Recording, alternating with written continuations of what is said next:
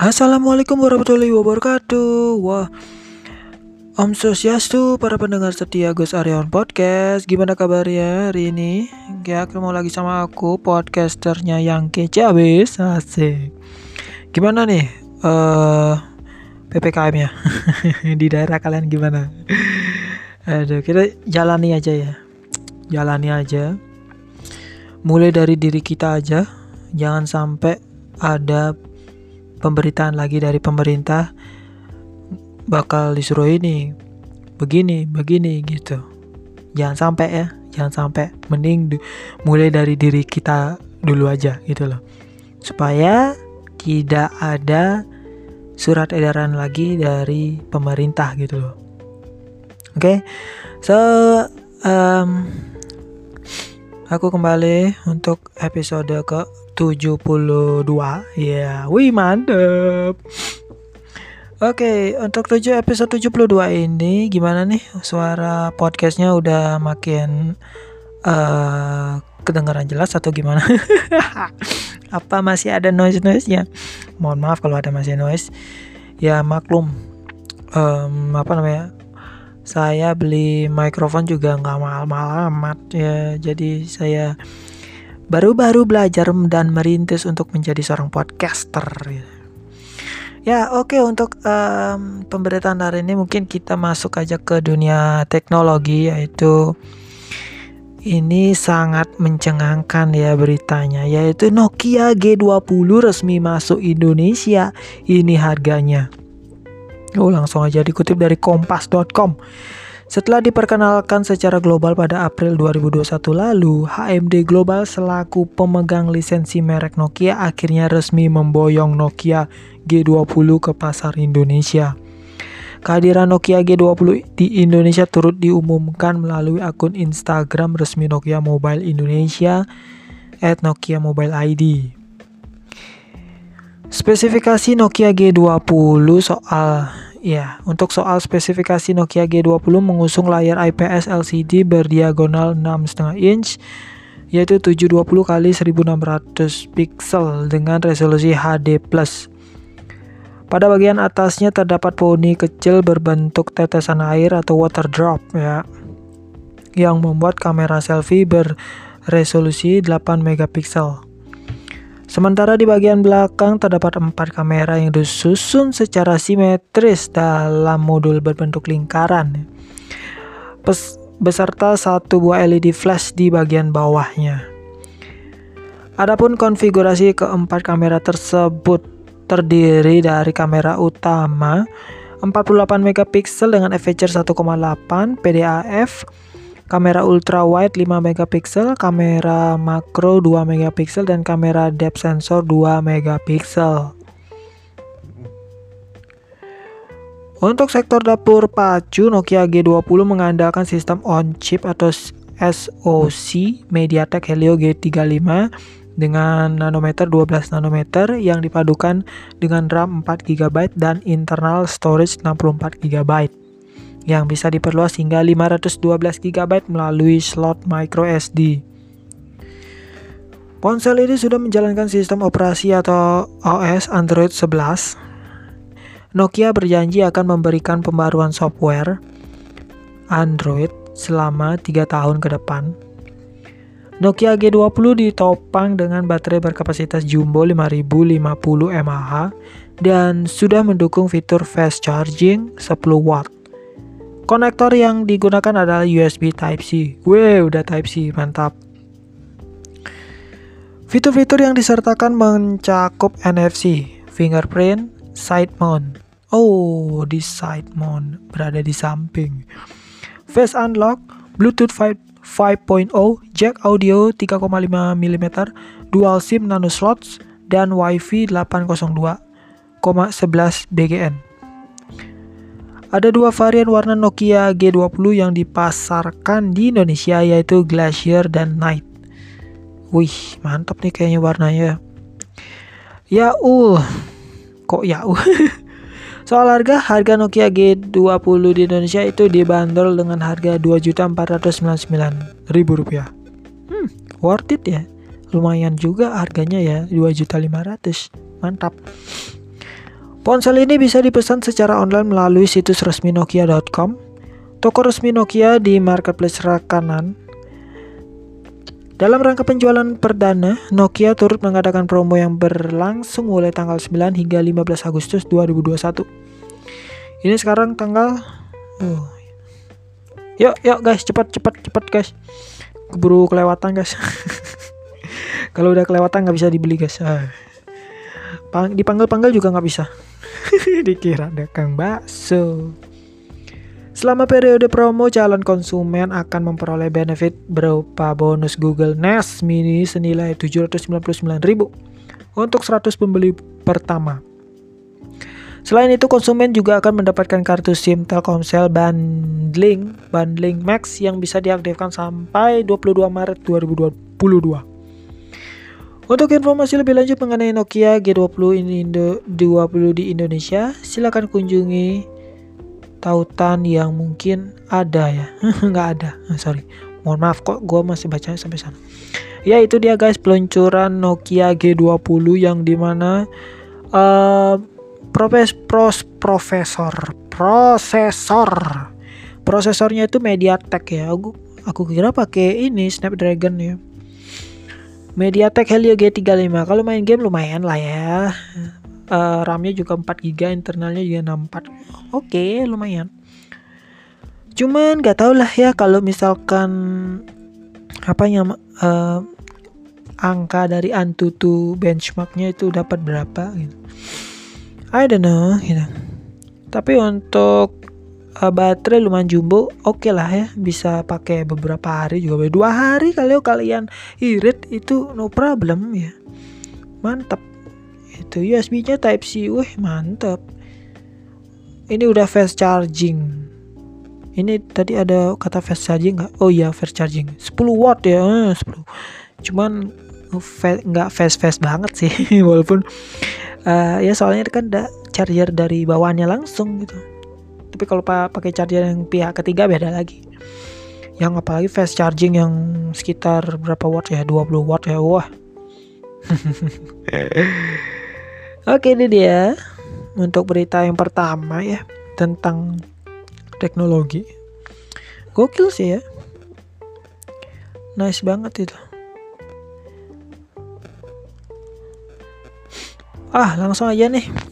Kita percepat dikit karena aku nggak mau agak durasi lama gitu lah. Sekarang aku bakal ngasih uh, tips ya.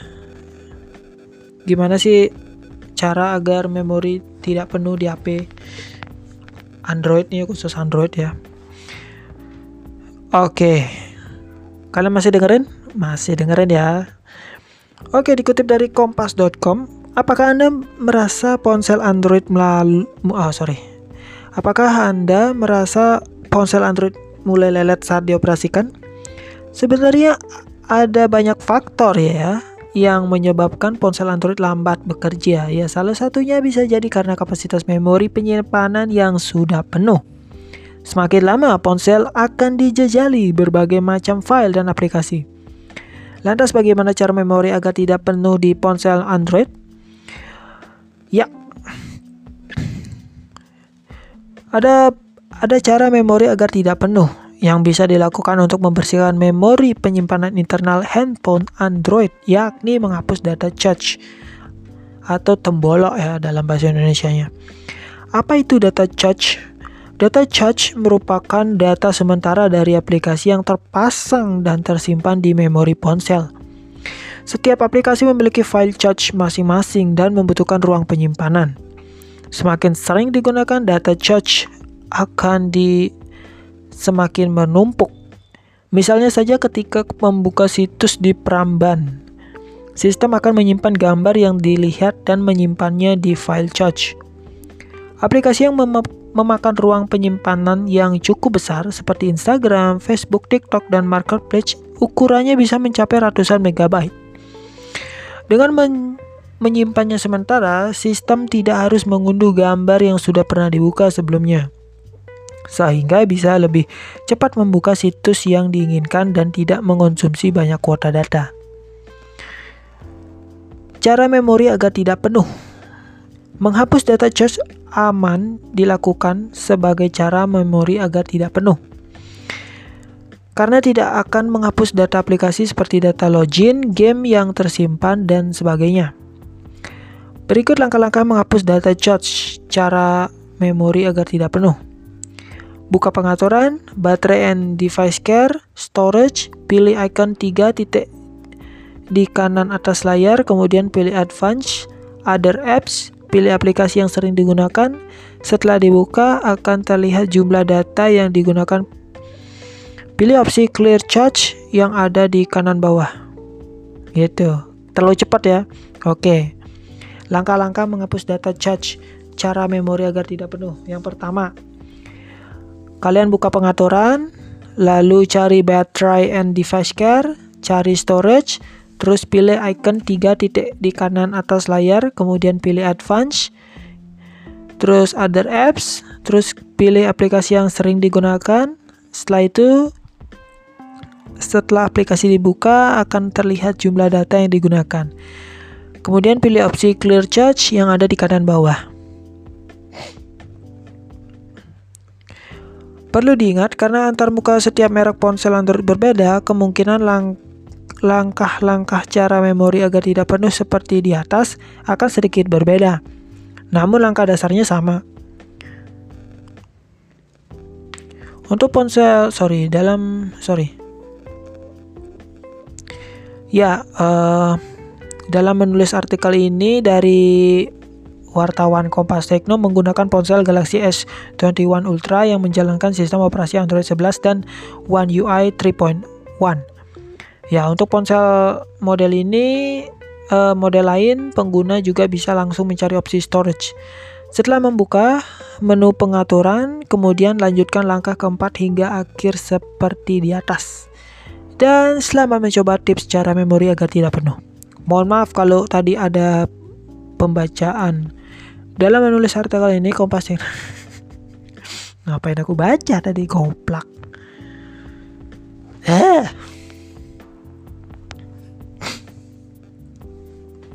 Oke, lanjut.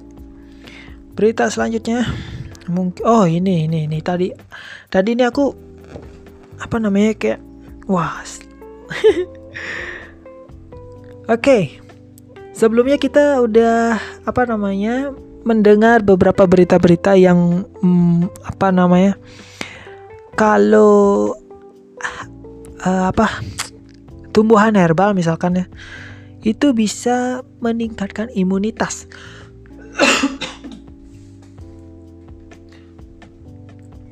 bisa meningkatkan imunitas. Contohnya apa gitu Aku lupa juga. Tapi ini beritanya wow.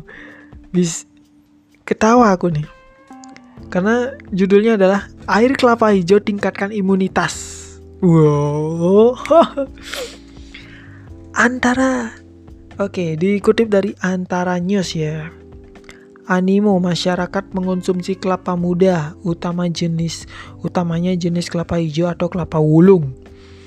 Meningkatkan seiring oh sorry, meningkat seiring melonjaknya angka COVID-19. Sebagian meyakini air kelapa jenis tersebut dapat meningkatkan imun tubuh Benarkah? Guru Besar Fakultas Farmasi Universitas Gajah Mada Yogyakarta, Zulis Ekawati menjabarkannya.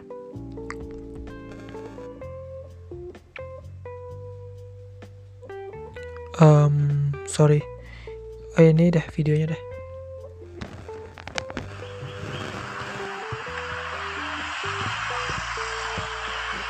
Sejak lama air buah kelapa muda, utamanya kelapa hijau yang juga dikenal dengan nama kelapa serat merah atau kelapa wulung, diyakini masyarakat memiliki banyak khasiat. Seperti menetralisasi racun di dalam tubuh, bahkan dalam beberapa waktu belakangan, namanya semakin melambung seiring meningkatnya jumlah penderita COVID-19 di tanah air. Hal itu membuat harganya di pasaran melambung, bahkan sempat langka di pasaran karena sebagian meyakini air kelapa hijau dapat meningkatkan imunitas atau kekebalan tubuh. Bahkan ada yang menyebut apabila air kelapa hijau dicampur dengan madu dan jeruk nipis bisa mengobati COVID-19. Banyak orang bilang memang menambah imun memang benar mas. Nanti itu ditambah sama madu jeruk nipis, nipis sama garam. Untuk menetralisir terus uh, untuk seger-seger juga mas. Gitu. Kan manfaatnya juga banyak sekali kan air kelapa kelapa yang asli itu. Benarkah anggapan tersebut? Guru Besar Fakultas Farmasi Universitas Gajah Mada Yogyakarta, Julis Ekawati menyebut, secara umum, air kelapa mengandung mineral, vitamin C, karbohidrat, antioksidan, dan senyawa kimia dengan jumlah yang bervariasi, sehingga menimbulkan kesegaran menjaga hidrasi dan meningkatkan metabolisme tubuh jika dikonsumsi. Hanya saja tidak bisa secara spesifik meningkatkan sistem kekebalan di dalam tubuh, mengingat imunitas terbangun dari banyak faktor, seperti konsumsi makanan sehat dan kondisi fisik, serta mental yang prima. Klaim atau tidak bisa kita pastikan gitu ya bahwa ini oh ini sangat manjur misalnya untuk covid gitu itu mungkin agak terlalu overclaim. Tetapi bukan berarti dilarang ya silahkan aja. Karena itu apa di secara umum ya kalau seger kemudian daya tahannya meningkat uh, itu uh, akan baik juga untuk uh, mencegah ataupun ya meningkatkan kondisi ketika terserang covid begitu begitu tapi kayak efek antiviralnya juga nggak ada secara khusus punya efek antivirus misalnya itu nggak ada juga yang setahu saya Kandungan mineral dalam air kelapa hijau pun menurut dia ternyata tidak jauh berbeda dengan air kelapa muda pada umumnya. Karena hal itu dipengaruhi kesuburan tanah di mana pohonnya tumbuh serta usia tanaman. Walaupun begitu, untuk membuktikan semua hal tersebut tentunya perlu dilakukan uji klinis. Dari kota Yogyakarta, daerah istimewa Yogyakarta, Imam Prasetyo, kantor berita antara mewartakan.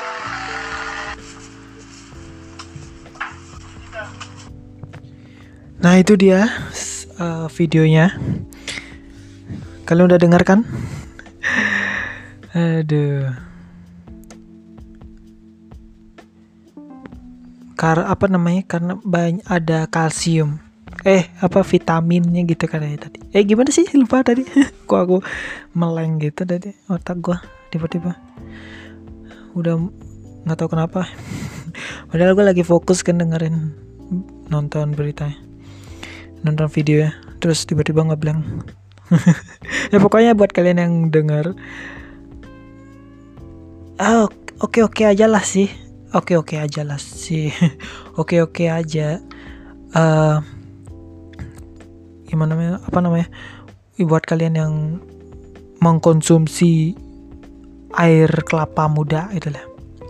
Air kelapa muda yang hijau itu kan. Kelapa muda hijau. Hey.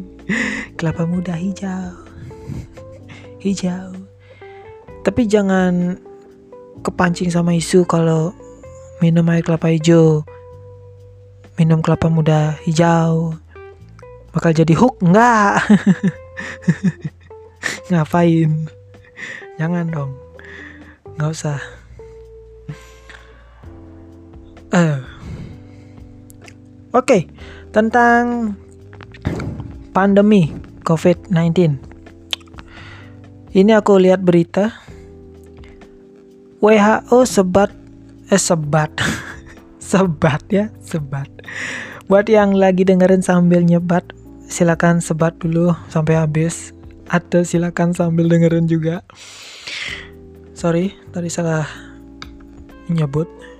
WHO sebut virus Marburg Marburg sangat menular Kenali 8 gejala. Ini virus corona belum juga berakhir, ada lagi virus Marburg. Virus apa ya lagi? Langsung aja ya, dikutip dari suara.com. Organisasi Kesehatan Dunia WHO telah mengonfirmasi kematian pertama akibat virus Marburg di Afrika Barat. Oh, ini Afrika.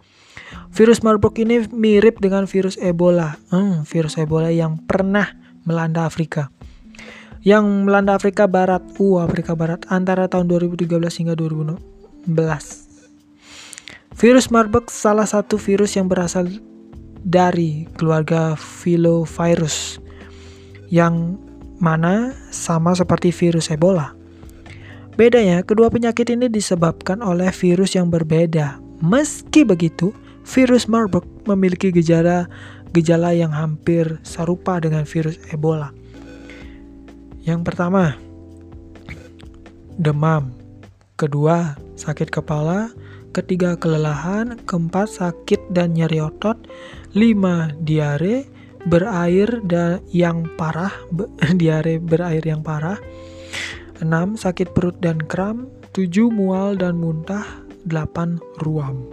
Ruam itu kayak ya di sekitar wajah itu kayak uh, gimana ya ruam-ruam gitu ruam tuh gimana sih ya uh, kalau diilustrasikan ada ruam-ruam di wajah gitu.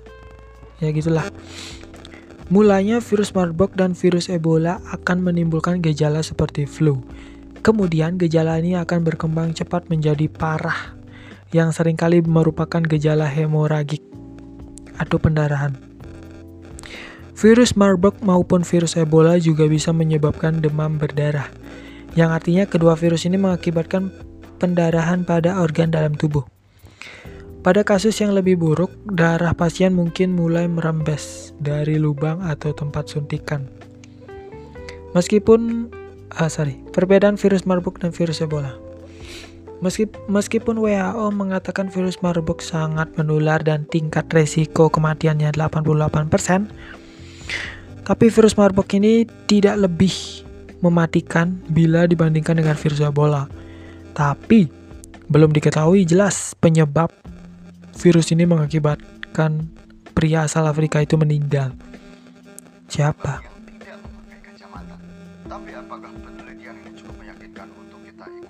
Sorry, sorry, sorry, kepencet video, kepencet video. Saat ini memang tidak va tidak vaksin yang dikhususkan untuk melawan virus Marburg tapi ada dua vaksin yang dilisensikan untuk digunakan di beberapa negara yang terserang virus Ebola. Sedangkan perawatan medis untuk virus Ebola maupun virus Marburg sama, yakni rehidrasi dengan cairan oral atau intravena. Ya, intravena. Selain itu, dokter mungkin memberikan pengobatan medis yang membantu pembekuan darah. ya jadi itu virus yang apa namanya? Mungkin satu keluarga sama Ebola mungkin cuman uh,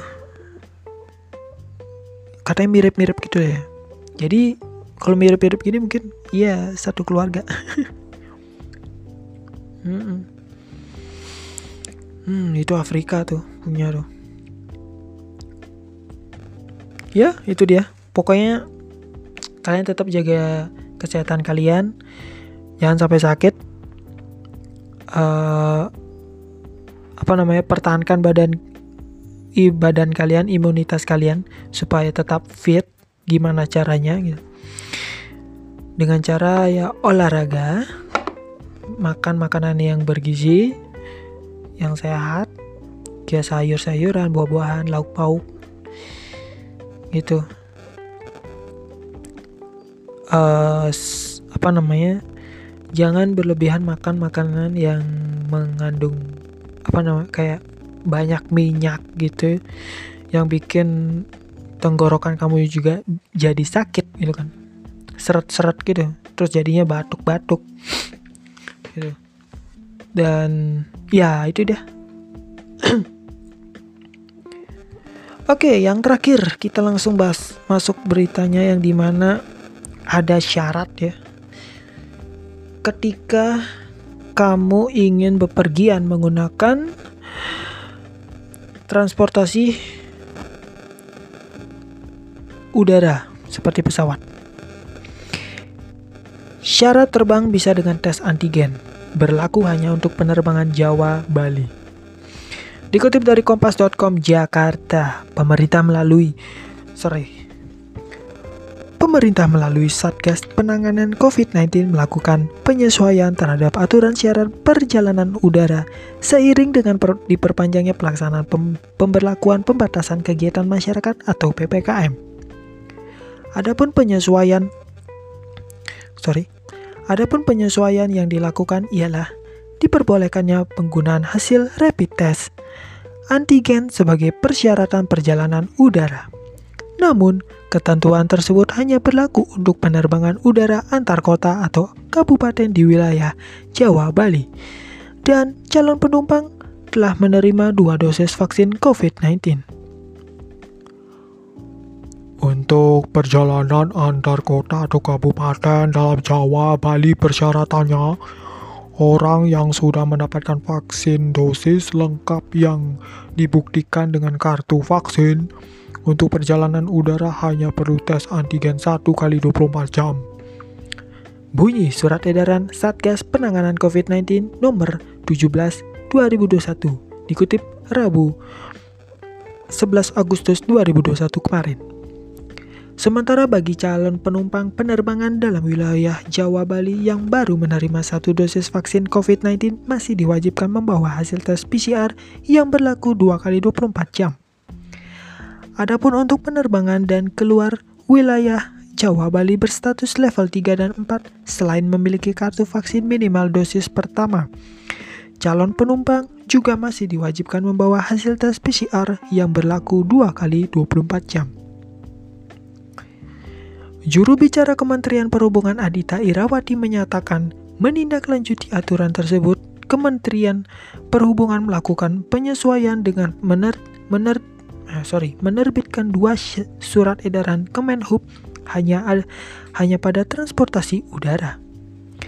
Keduanya yaitu SE Kemenhub nomor 62 tentang pen, petunjuk pelaksanaan perjalanan orang dalam negeri dengan transportasi udara pada masa pandemi pandemi COVID-19 dan SE Kemenhub nomor 63 tahun 2021 tentang pen petunjuk pelaksanaan perjalanan internasional dengan transportasi udara pada masa pandemi COVID-19. Sama dengan SE Satgas, SE Kemenhub ini berlaku mulai 11 Agustus 2021. Sementara untuk transportasi darat, laut, dan kereta api masih tetap menggunakan surat edaran yang berlaku saat ini. Karena tidak ada perubahan dalam syarat perjalanan ucap Adita. Dan begitu dia untuk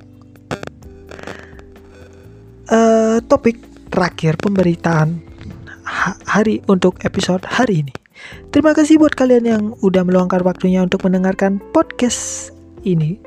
Semoga informasi-informasinya yang tadi bisa kalian cermati dan kalian bisa bagiin podcast ini ke teman-teman, keluarga, atau ke grup WhatsApp, Instagram, Facebook, Twitter, terserah kalian mau kirim ke mana, share ke mana. Tapi jangan lupa, buat yang belum follow, silahkan follow podcast Gus Arya on Podcast, karena podcast Gus Arya on Podcast eksklusif di Spotify. So, akhir kata, aku Gus Arya, sampai jumpa, pamit undur diri. Mohon maaf kalau ada salah-salah kata. Mohon dimaafkan dan sekali lagi sampai jumpa di episode berikutnya. Aku Gus Arya, pamit undur diri. Sampai jumpa.